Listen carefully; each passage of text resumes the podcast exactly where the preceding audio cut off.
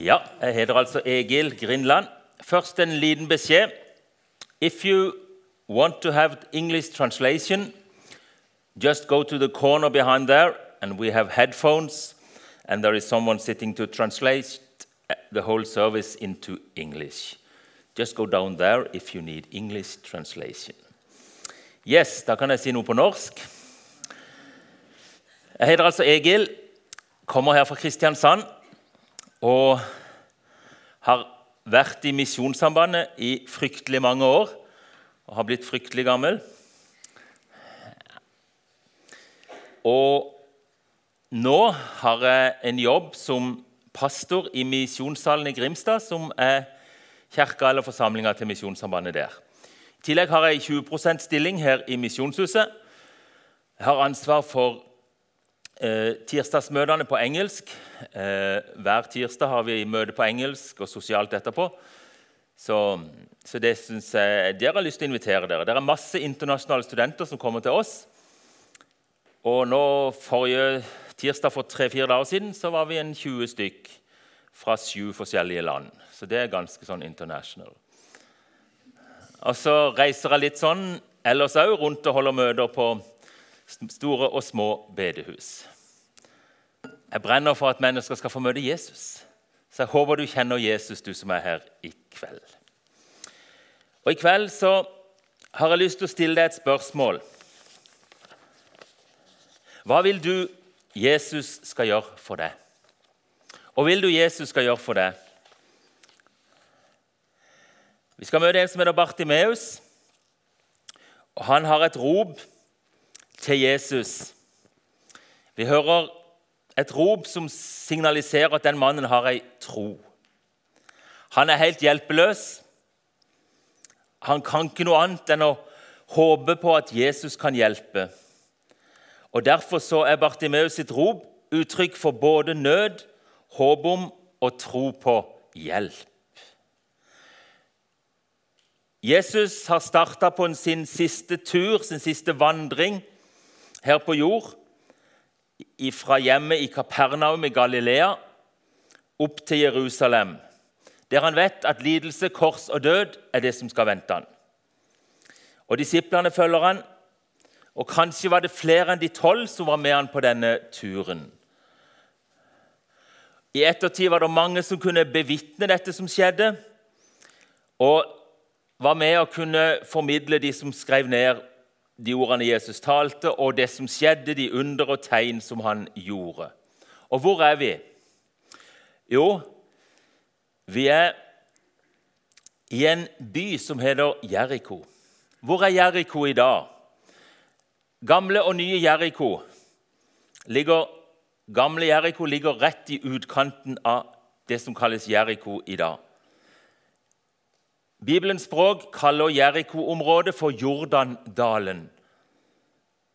I arabisk språkbruk så er det Vestbredden. Der hører vi fra Vestbredden og Gaza hele tida for tida. Det er 35 km nordøst for Jerusalem. 258 meter under jordoverflaten. Og på arabisk så heter Jeriko der Jesus var, heter Telles Sultan. Og Der kom han altså ned til denne byen Jeriko. Og Jeriko er en av verdens aller eldste byer, sier arkeologien oss. På nordsida av Dødehavet og helt med Jordanelva, og derfor kommer Jordandalen. Og Der kan vi lese om en del som skjer i Jeriko i Bibelen vår. Er det noen som husker noe? Hva er det som har skjedd i Jeriko? Det er skummelt. Det er så mange her nå. Det var noe med noen murer som ramla ned, som gikk rundt en by. De skulle gå rundt sju dager, og så skulle de blåse i trompeter, eller hva det var de hadde.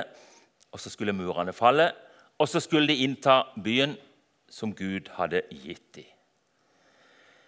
I tillegg så var det en som var toller, som snylta penger fra folk, som heter Sakkeus. Han holdt òg til i Jeriko.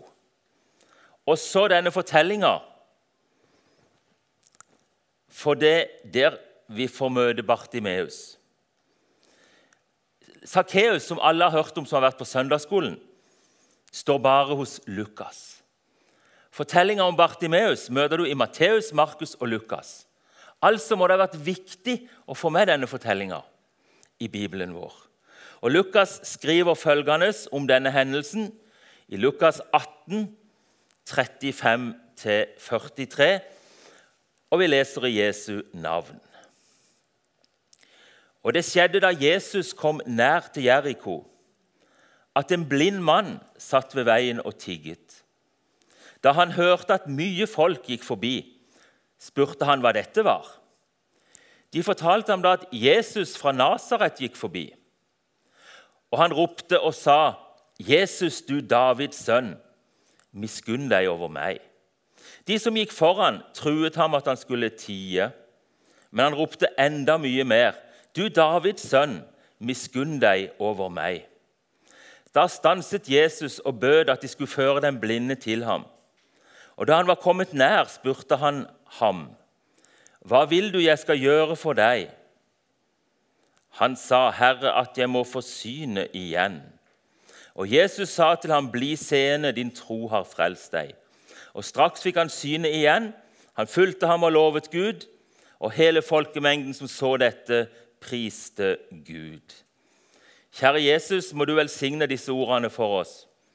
Jeg ber om at det må bli til velsignelse, til hjelp og nytte for oss her og nå og i våre liv i hverdagen på den plassen som vi er, og det vi holder på med. Ber om det, Jesus, i ditt navn. Amen. Først har jeg et lite punkt som jeg har kalt 'Ikke stopp å rope'. Eller 'rope', kanskje. Så skjønner alle det. Har noen av dere sett noen tiggere i det siste? Er det noen tiggere i Kristiansand? Det sitter til og med ofte noen rett ut forbi Misjonshuset. Mm. Styret i Misjonshuset hadde for en del opp, år siden oppe det der Det var noen som satt her. Og Det er jo ikke kjekt å ha tiggere ut forbi døra. Herlig land òg. Nja Det var noen som var ikke helt enig i det. Vi må jo hjelpe de som tigger. Ja, men hallo, ikke når vi skal på møte. De snakka ikke helt sånn, men det ble iallfall gjort en avtale med de som sitter på utsida av misjonshuset. Det ble en enighet om at de kunne sitte der, gjerne selge litt produkt, ikke være aggressive, og gjerne komme inn på møtet når møtet begynte. Altså tenke to ting på en gang. Tiggere har det alltid vært, og det blir jommen meg ikke færre. Jeg går forbi noen ganger noen plasser de deler ut brødposer. Jeg syns det er ille å se 100 stykk som venter på en pose med brød og melk og syltetøy og litt sånn. Og Det kan være så mange årsaker til tigging. Bartimeus, navnet hans står ikke i Lukas, men det står i Markus. Han kunne ikke skaffe seg noe arbeid. Det var vanskelig arbeid når du var blind. Så av nød eller plassert i veikanten av familien så brukte han dagene til å be om penger eller mat fra de som gikk på veien inn og ut av Jeriko. Og Selv om øynene ikke lenger fungerte på Bartimeus, så virker hørselen. Ofte er det sånn at de andre sansene blir forsterka hvis du mister en av sansene. Og Han hører legger merke til at det er mye lyd. Det er mange folk som går forbi denne dagen. Han blir nysgjerrig. Hva er det som skjer? Han spør hva er det som er på ferde nå i dag. Jo, Jesus fra Nasaret går forbi. Jesus fra Nasaret besøker byen i dag. Dermed så åpner han munnen, for den fungerte godt. Og så roper han ut, 'Jesus, du Davids sønn', miskunn deg over meg. Så ber de han om Du må ikke forstyrre Jesus. Jesus kom ikke for tiggere. Jesus kom for fine folk. Det var noen som hadde misforstått. Jesus kom for alle mennesker, ikke minst for tiggere. Men han roper bare enda høyere. Jesus, du Davids sønn, misunn deg over meg. Det ropet til Jesus det ble redninga for øynene til Bartimeus. Jesus stopper opp og helbreder synet til mannen. Heldigvis så er ikke Jesus avhengig av styrken på vår stemme og høyt vi roper om han for at han skal kunne helbrede oss eller hjelpe oss uansett åssen nød vi er i. Men i Bartimeus sitt rop så ser, ja, så hører vi at det er tro hos denne mannen. For i sin hjelpeløshet så vet han ikke noe annet enn å håpe på at Jesus kan hjelpe. Og det er faktisk noe av det lureste vi kan gjøre. Å håpe på at Jesus kan hjelpe. Derfor er Bartimeus sitt rop 'Jesus, du Davids sønn, miskunn deg over meg'. Det er faktisk et uttrykk for både nød, håp om og tro på at han skal få hjelp.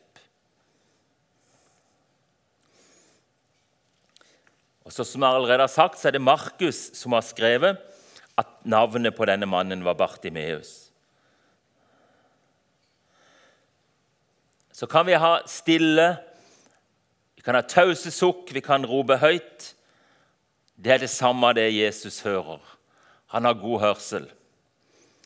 Veldig god hørsel. Styrken på stemmen vår avgjør ingenting for at Jesus skal hjelpe, helbrede, frelse. For jo nærmere jeg kommer til Gud, jo mindre trenger jeg egentlig å rope. Et taust sukk, en lydløs tanke, holder i massevis for Gud for å oppfatte min situasjon. Nøden vi står i, den føder en smerte som får noen av oss til å rope, andre til å sukke.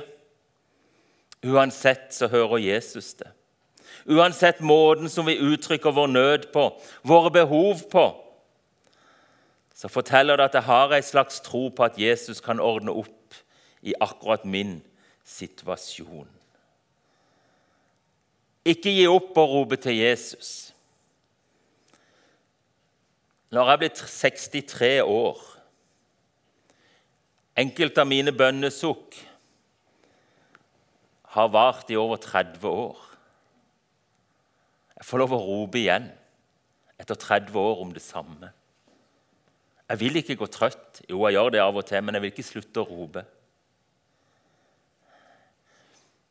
En av de gamle diktere, som heter Trygve Bjerkreim, han skrev en av disse sangene, en av disse som heter 'Det er makt i de foldede hender'. Om det drøyer, det fram dog skal nå, for det lovet jo løftenes trofaste Gud. Kall på meg, og du hjelpen skal få. Svaret kommer. Det kan komme litt annerledes enn vi ber om. Det er ikke alltid vi får det vi ber om, på den måten vi trodde. Men Jesus svarer oss alltid, om enn det kan ta litt lang tid.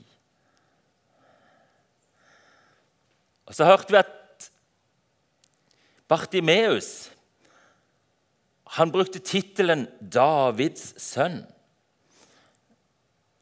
Først så spør han når han hører det skjer noe, og så sier han Eller så sier de det er Jesus fra Nasaret som er på vei.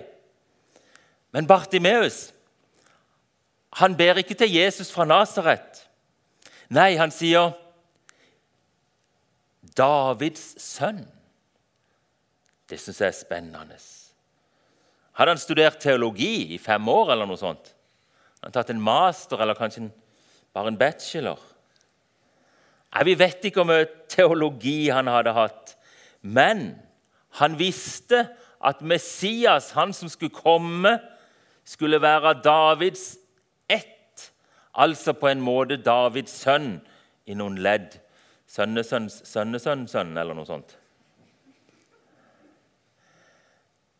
Og Jesus måtte altså være kjent langt utover Galilea sine områder. Helt ned til Jeriko hadde ryktet gått om denne profeten, om denne undergjøreren, denne kjendisen som alle snakka om. Og når Jesus spør Bartimeus om hva han ønsker Jesus skal gjøre for ham, så tiltaler Bartimeus Jesus som Herre. Han måtte ha fått med seg at dette var en frelserkonge som kunne både helbrede og hjelpe mennesker. Det var Herrens ydmyke tjener som kom, som stansa opp, bøyer seg ned for å ikke gå forbi et menneske som trenger hjelp. Jesus vil tjene og hjelpe den som ber om hjelp. Han vil gi håp om et bedre liv i sikte. Jeg har studert litt kommunikasjon jeg har studert litt om gode spørsmål, om åpne og lukka spørsmål. Kanskje har noen av dere hørt litt om det samme? Når vi setter ord på noe, så blir vi bevisst behovene vi har. Så blir vi bevisst synda vår. Har du satt ord på synda di noen gang? Har du satt ord på det du strever med i ditt forhold til Jesus? Når vi setter ord på noe, så innrammer vi virkeligheten for oss sjøl og for Gud. Og kanskje for en god venn eller ei god venninne. Jesus var en mester i å stille det vi kaller åpne spørsmål. Etter oppstandelsen til Jesus så viste Jesus seg for to menn som var på vei til å gå til Emmaus. Og Så spør Jesus de, hva er det dere går og prater om på veien? Fantastisk spørsmål. Dermed var samtalen i gang. Og Jeg tror at også Jesus i dag stiller åpne spørsmål til deg og til meg. For å få oss til å kjenne etter, bli bevisst våre behov. Som den beste sjelesørgeren som noen gang har vært, så tror jeg Jesus vil stille oss spørsmål à la dette og ønsker du å snakke med meg om? Hvilke behov har du i livet ditt akkurat nå? Kan du sette ord på noe av det som bekymrer deg? Og hvilke synder plager deg mest nå for tida? Jesus vil virkelig at vi skal være oss bevisst åssen synd vi trenger tilgivelse for. Med sin Hellige Ånd kan Jesus oppleves veldig nærgående. Åssen synder plager deg mest? Da skal vi huske at de syndene vi bærer fram for Jesus i lyset, de mister noe av krafta si. Disippelen Johannes han skriver dersom vi bekjenner våre synder, er Han trofast og rettferdig, så Han tilgir oss syndene og renser oss fra all urett, står det i 1. Johannes 1, 9. Når jeg var ung Det er lenge siden, det. Så gikk jeg i Misjonshuset. Er det noen som har vært der? Nei, for det var et gammelt misjonshus. Uh, den var dårlig. Og Der var vi i ungdomsgruppa, som det heter. Og Jeg syntes det var kjekt å gå på bønnemøter. Men av og til syntes jeg det var litt kjipt òg. For noen ba så himla lenge.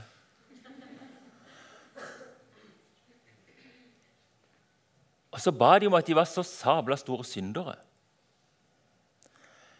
Og Jeg hadde ikke sett kanskje alt av min synd som ungdom. Det blir i grunnen mer med årene. Det er god trøst, det. Men da trenger vi iallfall Jesus. Og så, så hadde jeg noe i mitt liv som jeg gikk og strevde med, av synd. Og så var det en mann der som Han ba alltid om at han var sånn en kjempestor synder. Og så Etter et av disse bønnemøtene så sier jeg til han, Åssen synd er det du strever med i livet ditt? Feil spørsmål. Han ble så sinna på meg.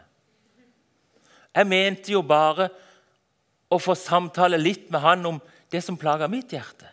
Og høre om han hadde noe av de samme erfaringene som jeg hadde. Men det var ikke han klar for. Så la det aldri bli noe vi sier bare fordi det skal høres fint ut. Men la oss tømme hjertet vårt for Jesus og bekjenne vår synd for Han. Og Når Han kommer med åpne spørsmål i våre liv, la oss ta dem på alvor og si det akkurat sånn som det er. Og så hadde denne mannen tro. Jesus sa til han, 'Bli seende.' Din tro har frelst deg, i vers 42 i denne teksten. Tro knyttes ofte både til helbredelse og frelse. Hvorfor ble, hvorfor ble han helbreda? Hadde han nok tro til å bli helbreda?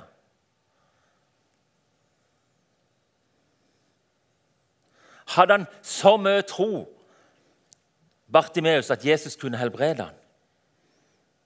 Ja, hva er tro for noe, da, vil jeg spørre. Tro er ingen prestasjon. Det er ingen gave jeg gir til Gud for at han skal belønne meg tilbake med god helse og alt godt. Nei, tro består i at jeg har tillit til at når jeg søker hjelp og frelse hos Jesus, så vil han gi det på grunn av det han gjorde på korset, når han sona vår synd. Bartimeus skjerpa ikke noe trosliv før han kom til Jesus. Nei, Bartimeus sin tro besto i at han visste hvem som kunne hjelpe. Han hadde tillit til Jesus sin person. Tro er å komme til Jesus med alt vi syns er vanskelig. Vi kommer fordi vi har lært Jesus å kjenne som en som kan og vil hjelpe. Skal vi be litt sammen? Kjære Jesus. Takk for denne fortellinga om Bartimeus. Takk for at du avviste de som ikke ville at du skulle bry deg om han. Takk for at du stoppa opp og tok Bartimeus på alvor. Takk for at du lot han fortelle hva slags behov han hadde. Det var ikke bare sånn Ops, nå er du helbreda. Takk for at han fikk lov å si det med sine ord, at jeg må forsyne igjen. Jesus, nå kjenner du hver og en som er kommet inn her i kveld. Du vet akkurat åssen vi har det med det. Og så vil du vi skal komme til deg med det som ligger oss på hjertet. Om det er noe vi er jublende glad eller takknemlige for, om det er noe vi strever med, av synd eller sykdom eller nød Hjelp oss å sette ord på det og si det til deg og legge det i dine hender. Jesus, takk for hver og en som er her i kveld. Så elsker du hver og en. Om bare det var én av oss, så ville du allikevel dødd for våre synder på korset. Men nå gjorde du det for alle vi som er her i kveld. Takk, Jesus, for at sånn er du. Takk, Jesus, for at vi skal få komme til deg med alt som ligger oss på hjertet. Amen.